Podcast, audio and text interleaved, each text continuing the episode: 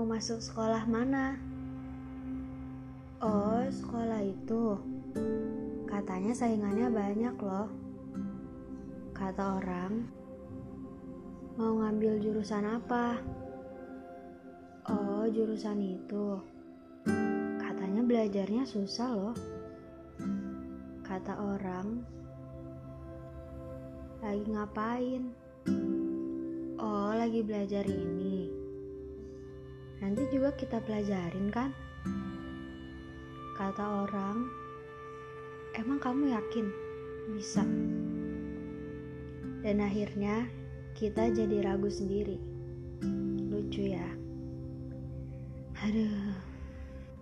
Kata orang itu bisa jadi nggak penting kalau ternyata bikin kita pesimis. Kenapa kita nggak dengerin kata hati yang bisa bikin kita optimis? Kenapa kita nggak yakin sama diri kita sendiri yang bisa bikin bangkit lagi?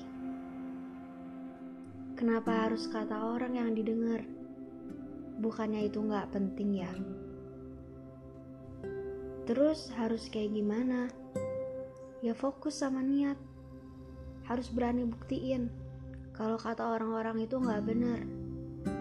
Harus yakin dan buktiin ke orang-orang kalau kata hati itu lebih layak untuk didengar.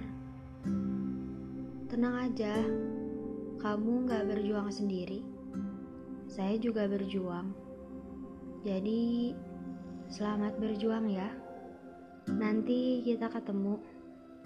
Meskipun di medan yang berbeda, tapi di tujuan yang sama.